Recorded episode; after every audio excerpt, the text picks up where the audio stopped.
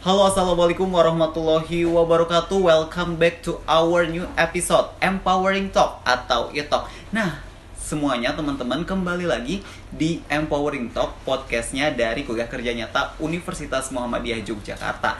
Nah di kesempatan kali ini kita akan berbincang seputar kegiatan dari KKN yang memang sudah dilakukan kemarin nih teman-teman yang kemarin sudah melaksanakan dari Kuliah Kerja Nyata yang memang agak berbeda nih teman-teman dari biasanya. Biasanya teman-teman diterjunkan oleh UMY atau oleh tim KKN ini biasanya melakukan pemberdayaan kepada masyarakat atau kepada uh, warga-warga uh, gitu yang ada di desa. Nah, berbeda dengan tahun ini karena memang adanya pandemi Covid-19, UMY masih nih tetap melakukan kegiatan KKN, tapi berbeda melakukan kegiatan pendampingannya melalui pendampingan berbasis IT ke UMKM atau usaha menengah kecil ataupun juga besar.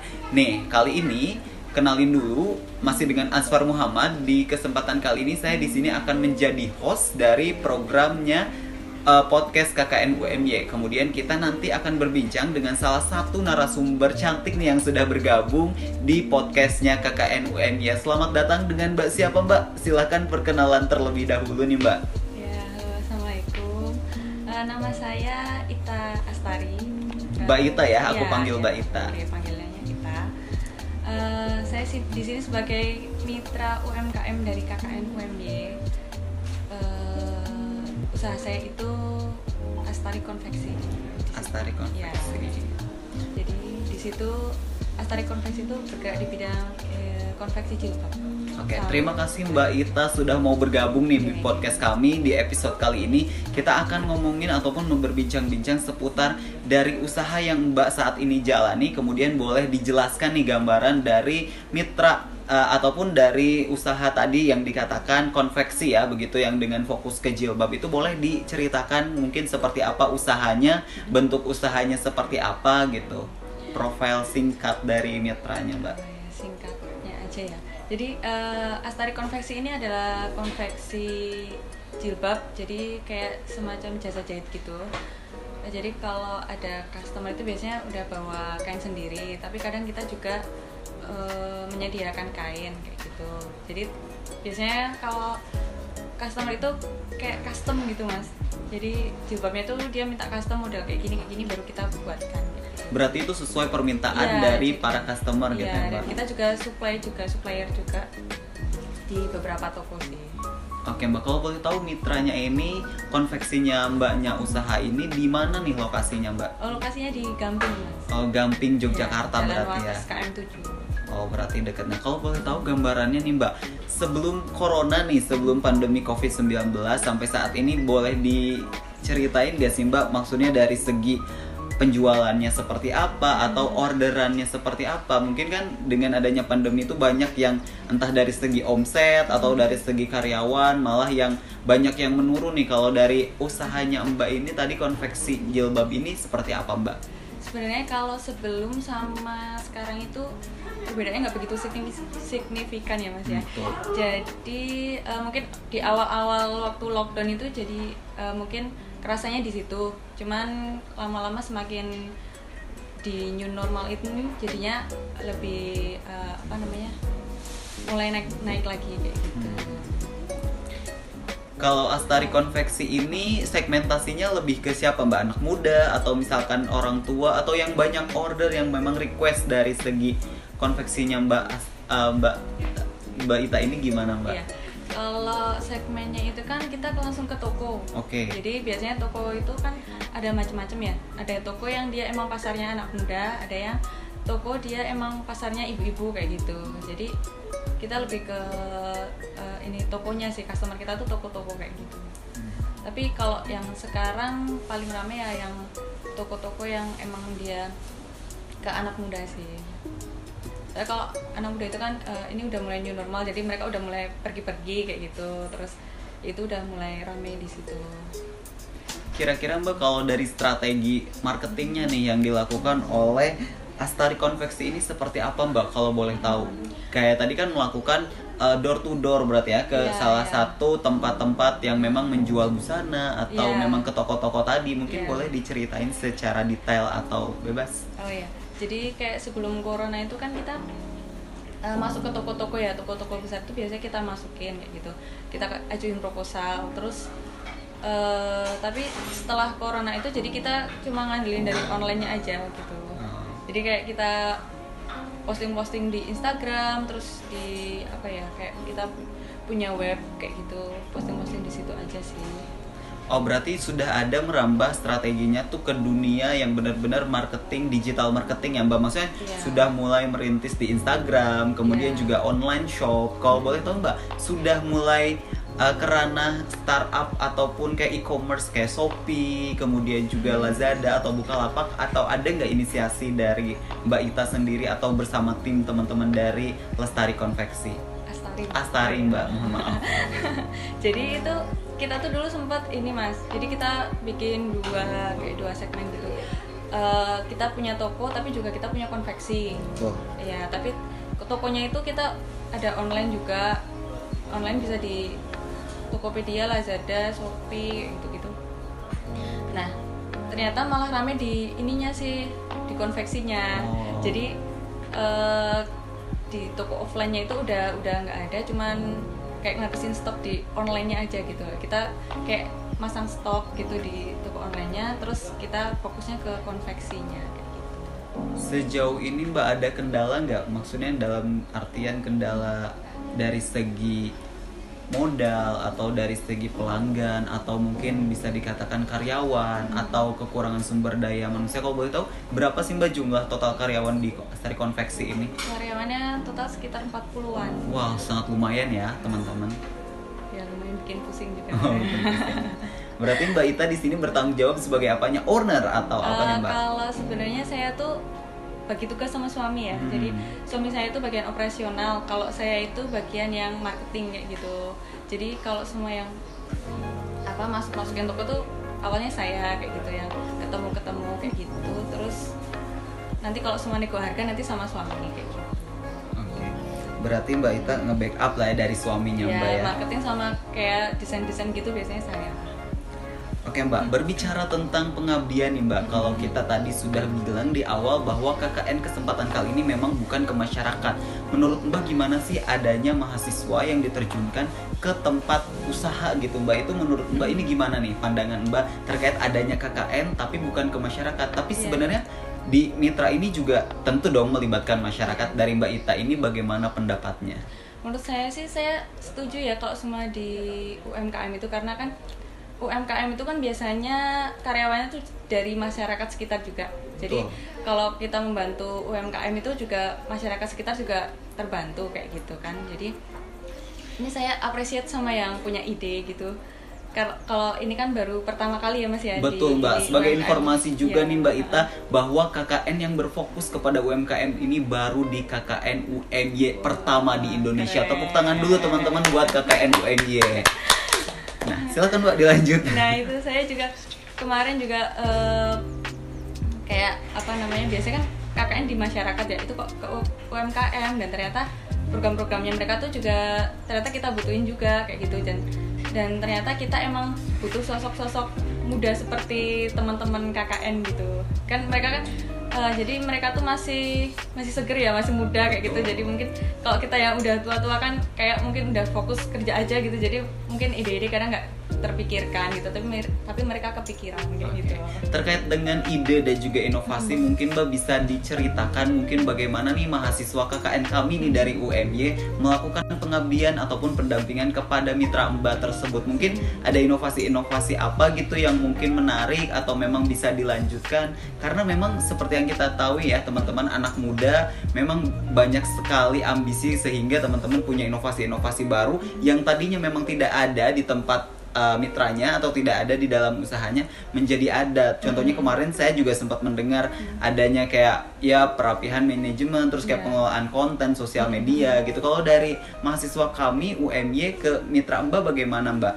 ya itu termasuk bikin logo sih Logo dari- baru berarti ya? logonya baru dan lebih lebih bagus sih Mm-mm. terus kayak kemarin itu bikin banner buat di depan itu Betul. terus kemarin juga ada penyuluhan covid itu Mhm. udah manggil kayak dokter ya dokter apa ini sih semacam gitu sih terus sama bagi-bagi masker terus kayak kasih hand sanitizer gitu di di depan sama poster-poster buat eh, apa ya kayak buat pengingat-pengingat kayak gitu sih Ya berarti mahasiswa melakukan edukasi ya, Mbak. Maksudnya sama dari ini kalau IG-nya mereka juga ikut ini sih memaintain uh, dan mem- memperbaharui gitu ya Iya, mbak kayak iya. perapihan feeds Iya. gitu ya kayak buat konten company profile mungkin seperti itu ya mbak. Mungkin ya kita tadi dimulai dengan adanya edukasi edukasi seperti kayak sekarang karena masih corona walaupun new normal seperti ini mahasiswa mencoba mulai mengenalkan mungkin ada beberapa warga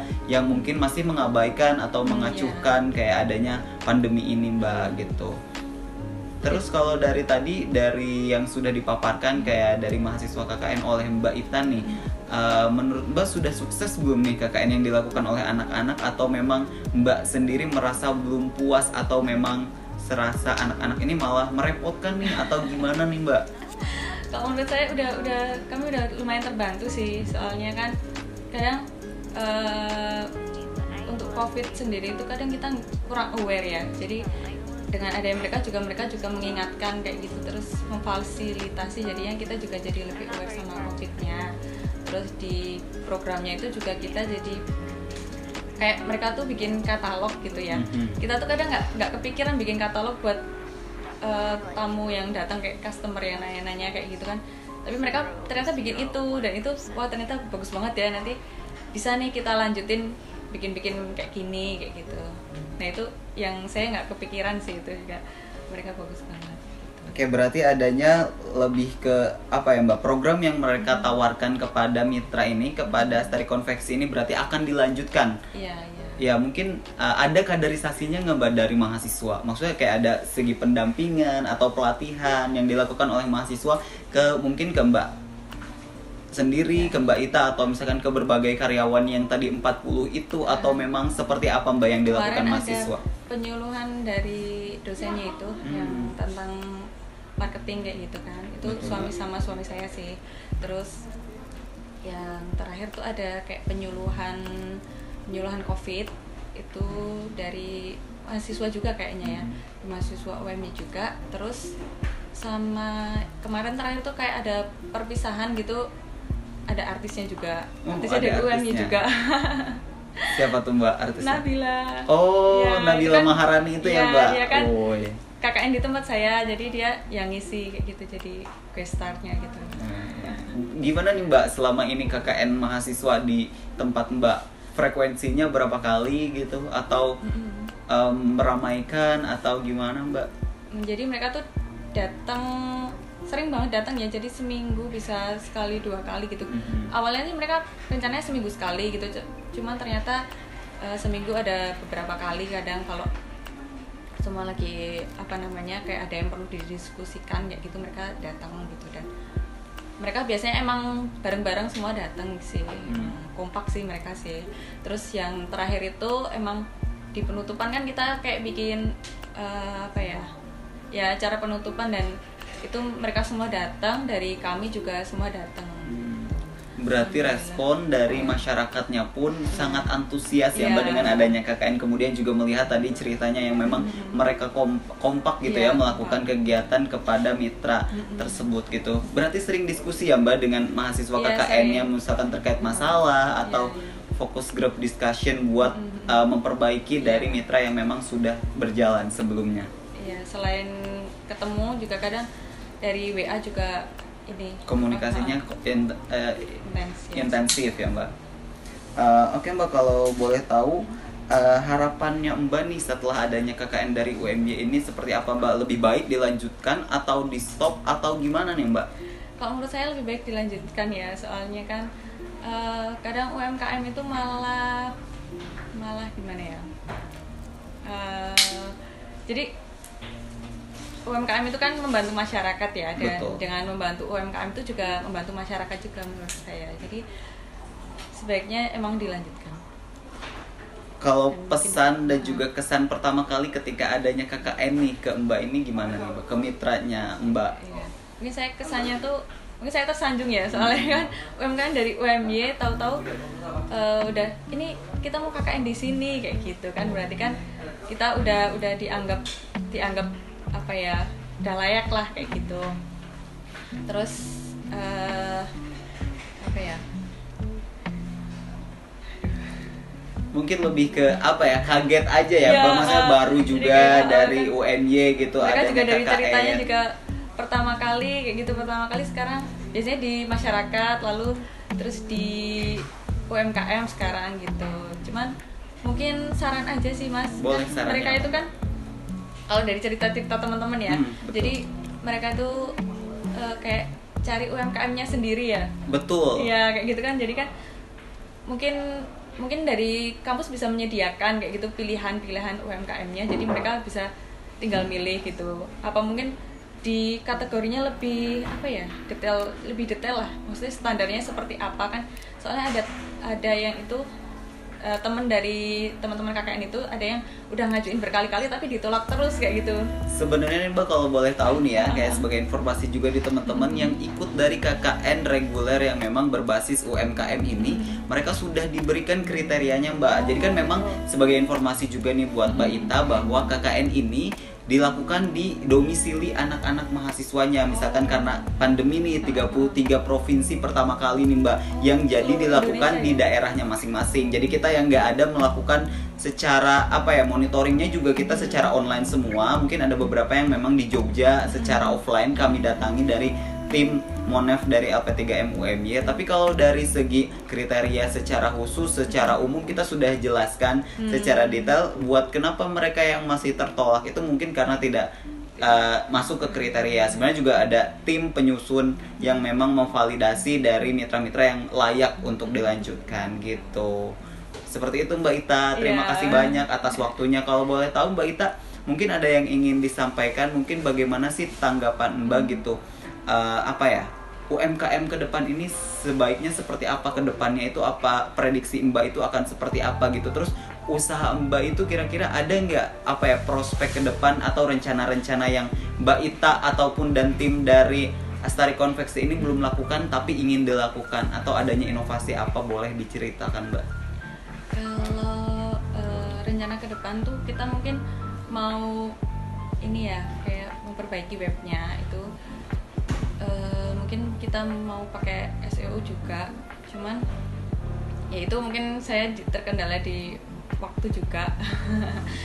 Ya itu mungkin kita mungkin lebih fokus di situ karena emang kita sekarang ini kan nggak bisa berkembang banyak ya mas ya kalau lagi pandemi kayak gitu Jadi- jadi kita aja ini sekarang emang mengelola toko-toko yang udah lama gitu. Jadinya Ada berapa toko belum- tuh Mbak kalau boleh tahu?